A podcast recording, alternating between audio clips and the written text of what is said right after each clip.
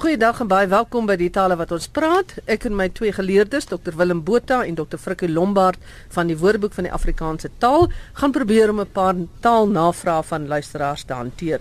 Frikkie, jy gaan vir ons die program inlei. Fred van Kaapstad vra waar die bren van brengeweer vandaan kom. Ja, dit is 'n uh, heel interessante vraag. Ek ek hou van uh, wapens en en uh, pistole en goeters alhoewel ek nie een besit nie. Ehm uh, name van gewere of pistole of revolvers word dikwels gekoppel aan die plek waar hulle vandaan kom of selfs die fabrikaat. Uh, toe ons in die leer was byvoorbeeld het 'n mens FN gewere gekry, die voorloper van die R1. Dit staan vir Fabriek Nasionaal. Dit word dikwels gekoppel ook aan die skepper van uh, sê maar die wapen soos Georg Luger wat 'n Luger uh, pistool ontwerp het Paul Mauser wat die Mauser gewere ontwerp het wat die boere mee geskiet het. Dit kan ook baie keer skepper wees plus die plek soos Lee Enfield is 'n James Lee wat 'n wapenkundige was en Enfield die plek naby Londen waar hulle wapens vervaardig het. Selfde geld vir Lee Metford dit was weer twee persone wat uh, saamgewerk het om 'n geweer te ontwerp. Die Bren die BR van Bren kom uit Brunau BRNO is is 'n plek in Tsjechië wat wapens waar wapens ontwerp word. En dit is vervaardig in Enfield, so die EN van die Bren kom van Enfield af die plek naby Londen. Dan Willem, ons het in 'n vorige uitsending Kobus Spies se vraag hanteer. Hy het gevra hoekom die uitdrukking in lewende lywe in die meervoud is en toe het ons dit nou beantwoord, maar nou is daar luisteraars wat van hulle laat hoor het en hulle verskil van ons. Ja, Magdalene, ek het my laat verlei deur die vraag. Die vraag was: "Hoekom is dit in die meervoud?" En ek het toe probeer verduidelik hoekom dit in die meervoud is. Maar die feit van die saak is lywe is nie in die meervoud nie. Ek het 'n reaksie gehad van Steve Leinbach van Den Haag, van ons oud kollega Leender Dekker van Kaapstad en van Jan Kwak, my eie buurman in die Parel. En uh toe het ek ook nog met Ernst Kotse oor gepraat. Nou baie interessant in lewende lywe lyk of dit 'n meervoudsvorm is, maar lywe is inderdaad enkelvoudig en ons het dit oorgeerf uit Nederlands of dan nou geerf uit Nederlands. En selfs in moderne Nederlands is lewend en lywe 'n historiese erfenis van 'n ou verboë vorm. Daardie lywe is eintlik lyf, maar die lyfe is 'n datief naamval na die voorsetsel in. Maar 'n 21ste eeuse Hollander sal ook sê soos Leender so mooi my die sinnetjie gegee het, hy was erself in lewende lyfe. En daardie lewende en lyfen is argaïese vormings wat nie ooreenstem met die grammatiese vorms waarin hedendaagse Nederlands vandag dit sou stel nie. So, dit is 'n enkelvoud en is in die datief maar Ernst het 'n nog interessante bykomende inligting gegee. Dis nou Ernst Kotse van Port Elizabeth. Hy sê die middelnederlandse betekenis van lyf is lewe. Lewe in Afrikaans. En ons het dit in Afrikaans behou in die term lyfrente Daardie lyf en lyfrente het niks met jou lyf te doen nie. Dit het te doen met jou lewe. En lyfrente is 'n bedrag wat betaal word solank iemand lewe. Dit is dan nou die mooi volledige antwoord op ons oorspronklike vraag. Willem Kwak of Kwaksalwer het 'n negatiewe betekenis sover ek weet. Jou buurman Jan Kwak, is hy tevrede dat jy hom so noem? Hy is 'n baie vriendelike man. Ons gaan vanaand saam straat braai hou en ons sal ons verder hieroor gesels. Maar hoekom noem jy hom Kwak? Dit is sy van. Is hy niks goed nie ja, of is dit sy van? van? Dit is inderdaad sy van. So van dit. Oh. Nou maar goed, ek trek al my woorde terug. Frikke Johan de Wal vra hoe na besluit is dat 'n klip 'n klip is en dan het hy ook 'n vraag oor die uitdrukking catch 22. Ek kan maar net die Germaanse herkoms min of meer van klip vasstel. Uh in ander tale word 'n klip verskillende dinge genoem, maar as 'n mens gaan kyk waar klip min of meer vandaan kom, dan gaan 'n mens na die Middelnederlands toe. Dit is nou Nederlands van uh, baie eeue gelede. Uh hulle het gehad klippe met 'n C L I P P E die Nederduits was klippe en vandag kry jy nog in in in Duits die klippe met meervoud klippen vir 'n klip. Hulle praat ook van 'n stein natuurlik. Hierdie vorm is eintlik gevorm van klif. Uh in Middelnederlands het hulle C L I F gehad vir rots en dit hang ook saam met die oud Engels cliff. Met ander woorde die die hele proses van waar die klip vandaan kom begin eintlik by 'n kraans waarskynlik wat vol rotse sit en natuurlik soos hierdie rotse baie keer onder swaartekrag uh afgerol het en so aan het hulle verbrokkel en kleiner stukke gevorm en uiteindelik is die naam klip vir daardie kleiner stuk gegee. Maar dit was oorspronklik waarskynlik iets soos kraans wat rots geword het en wat klip geword het. Uh dit is waar ons daardie naam vandaan kry in die Germaanse tale. Nou die Catch 22 gaan terug natuurlik na 'n boek wat geskryf is deur Joseph Heller. Die gelyknamige titel is Catch 22. Dit is waar 'n mens in 'n situasie is wat dikwels die gevolg is van reëls of regulasies of sekere prosedures waarin jy as individu uitgelewer is maar waarin jy niks kan doen nie. As 'n mens dit wil vertaal, dan kry jy in Afrikaans twee moontlikhede, 'n paradoksale situasie of 'n kan nie wen nie dilemma met koppeltekens wat alles aan mekaar koppel. En dit is min of meer wat dit is. Jy is jy het 'n probleem want jy kan nie wen nie wat jy ook al probeer doen. Ek gaan 'n voorbeeld gee net nou, maar die boek self het veral te doen met absurde bureaukratiese beperkings waaraan soldate in die Tweede Wêreldoorlog onderworpe was. Nou 'n tipiese paradoksale situasie, sogenaamde catch 22, is wanneer 'n mens aansoek doen om 'n werk en dan sê hulle vir jou hulle soek iemand met ervaring en dan die vraag is hoe moet 'n mens ervaring opdoen as 'n mens heeltyd afgewys word omdat jy nie ervaring het nie. Vir Bessie van Kaapstad is die uitdrukking om hare op jou tande te hê nog altyd 'n baie vreemde uitdrukking en sy sê waar kom dit vandaan? Ja, die, die kort antwoord is dit kom uit Switserland. En die lang antwoord is dat uh, die Switsers het vandag 'n neutrale beeld as kokokolosiemakers, maar hulle soldate was die eerste wat ook as huursoldate opgetree het. Nou hulle was kranige krygers uh, wat gevrees is vanweë hulle onverskrokkenheid. En om hierdie beeld van onverskrokkenheid en vreesloosheid te bevorder, het die soldate woeste snorre en baarde gekweek wat hulle lippe en tande feitelik heeltemal verberg het. Nou dit het hulle vyande laat glo dat hulle hare op hulle tande het en nie vir die duiwel sal stuit nie. Interessante ding is dat Switserse soldate is tot 1874 toegelaat om as huursoldate op te tree en toe is daar 'n wet geformuleer wat hulle verbied het behalwe by die Vatikaanstad. Nou as jy al by die Vatikaanstad was, sou jy daardie Switserse wagte daar opgelet het met die ryklik versierde uniforms. Daar mag hulle nog steeds optree.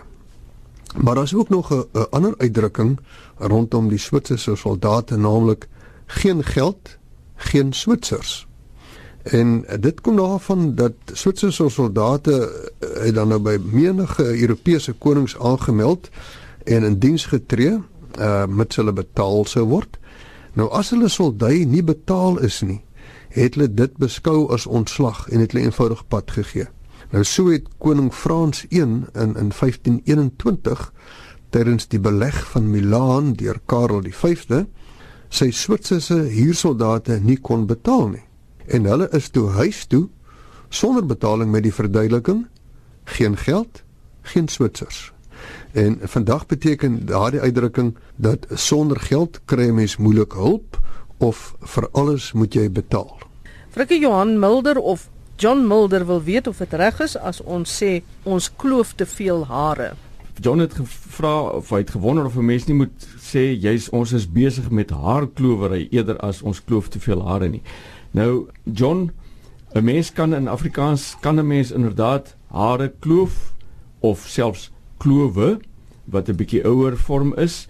En dit staan in al ons woordeboeke min of meer Faros, die Engels Afrikaans gee split hairs natuurlik kwibbel of nitpick. Die WAT het ook hare kloof of hare klowe. Daar's selfs 'n werkwoord wat bietjie verouderd is en ek dink min voorkom, naamlik haarkloof, een woord. En dit is natuurlik oordrewe fyn of beselagtige onderskeidings maak of dinge te fyn uitpleis of fitterig ontleed min of meer. So die die die die meer frekwente vorm is om hare te kloof of hare te klowe.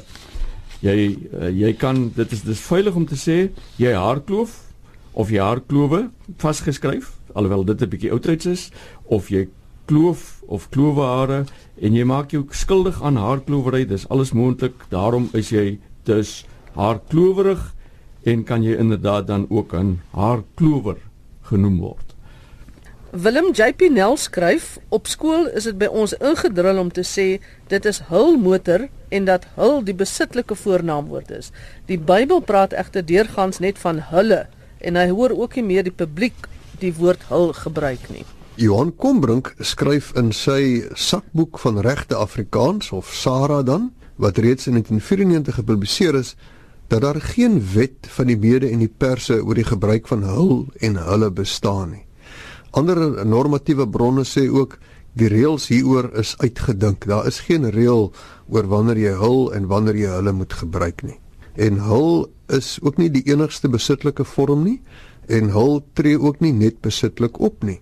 Volgens Kombrink hoor 'n mens eers na 'n paar jaar op skool van die bestaan van hul en sy waarneming is dat hul al hoe meer formeel word en al hoe meer beperk word tot die skryftaal.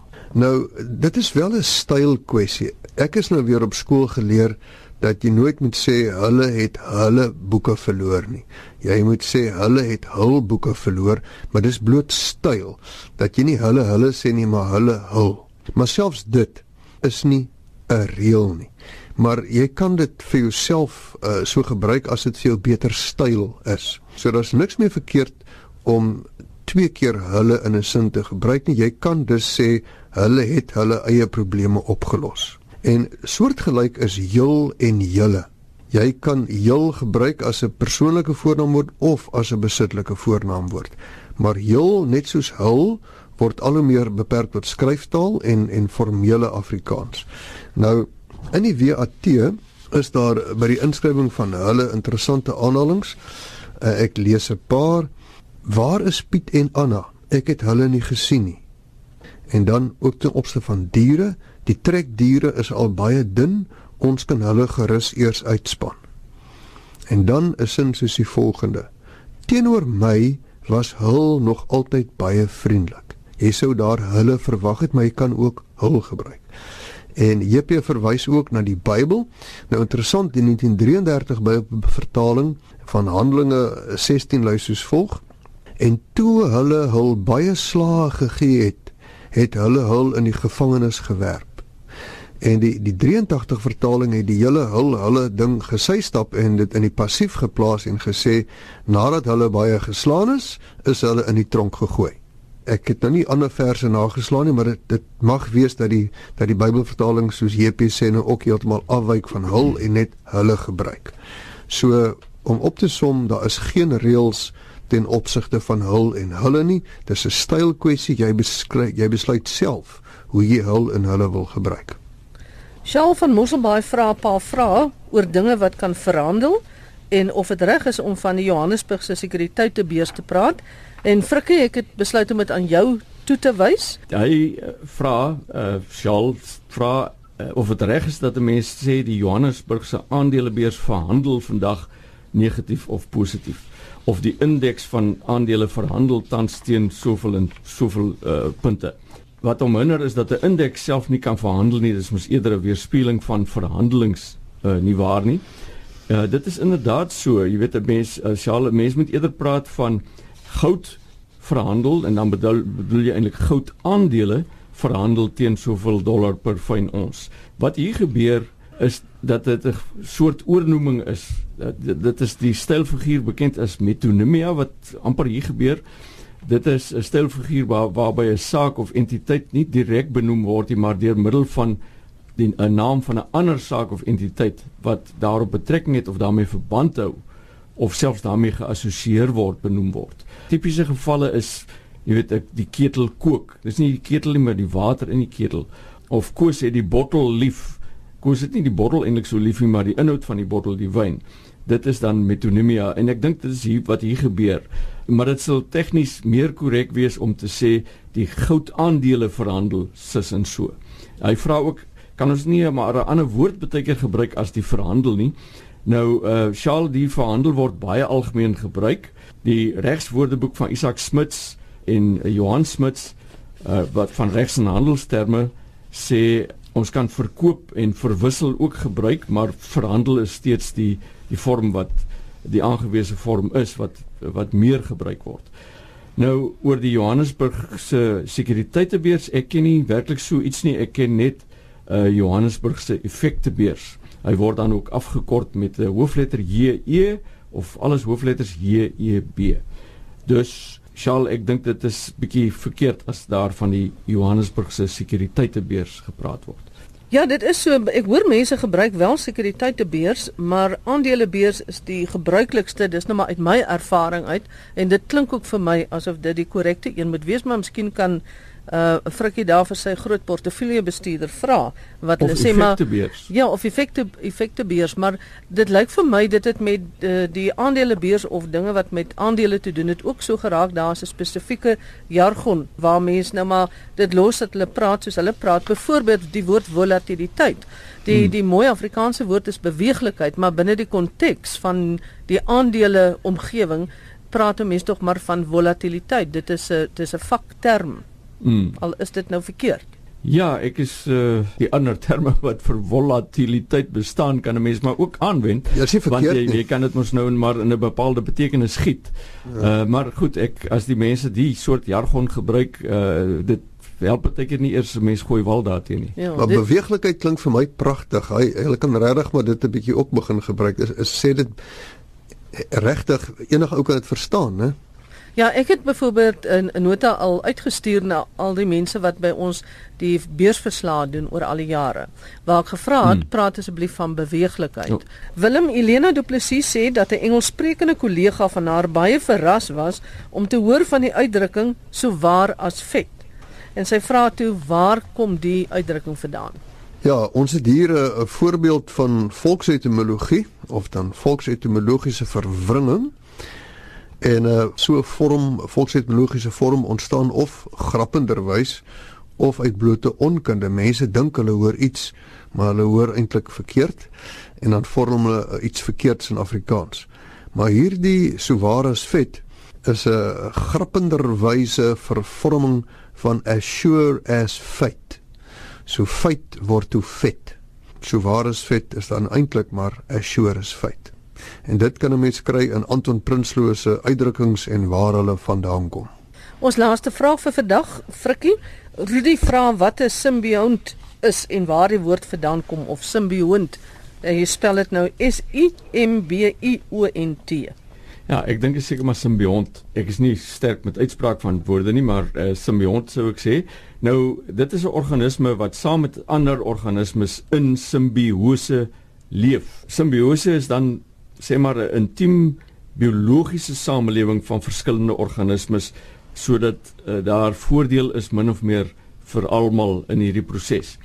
Die sim kom uit Grieks soen wat beteken saam, dis ook die sim wat ons in simpatiek het, saam het jy pathos.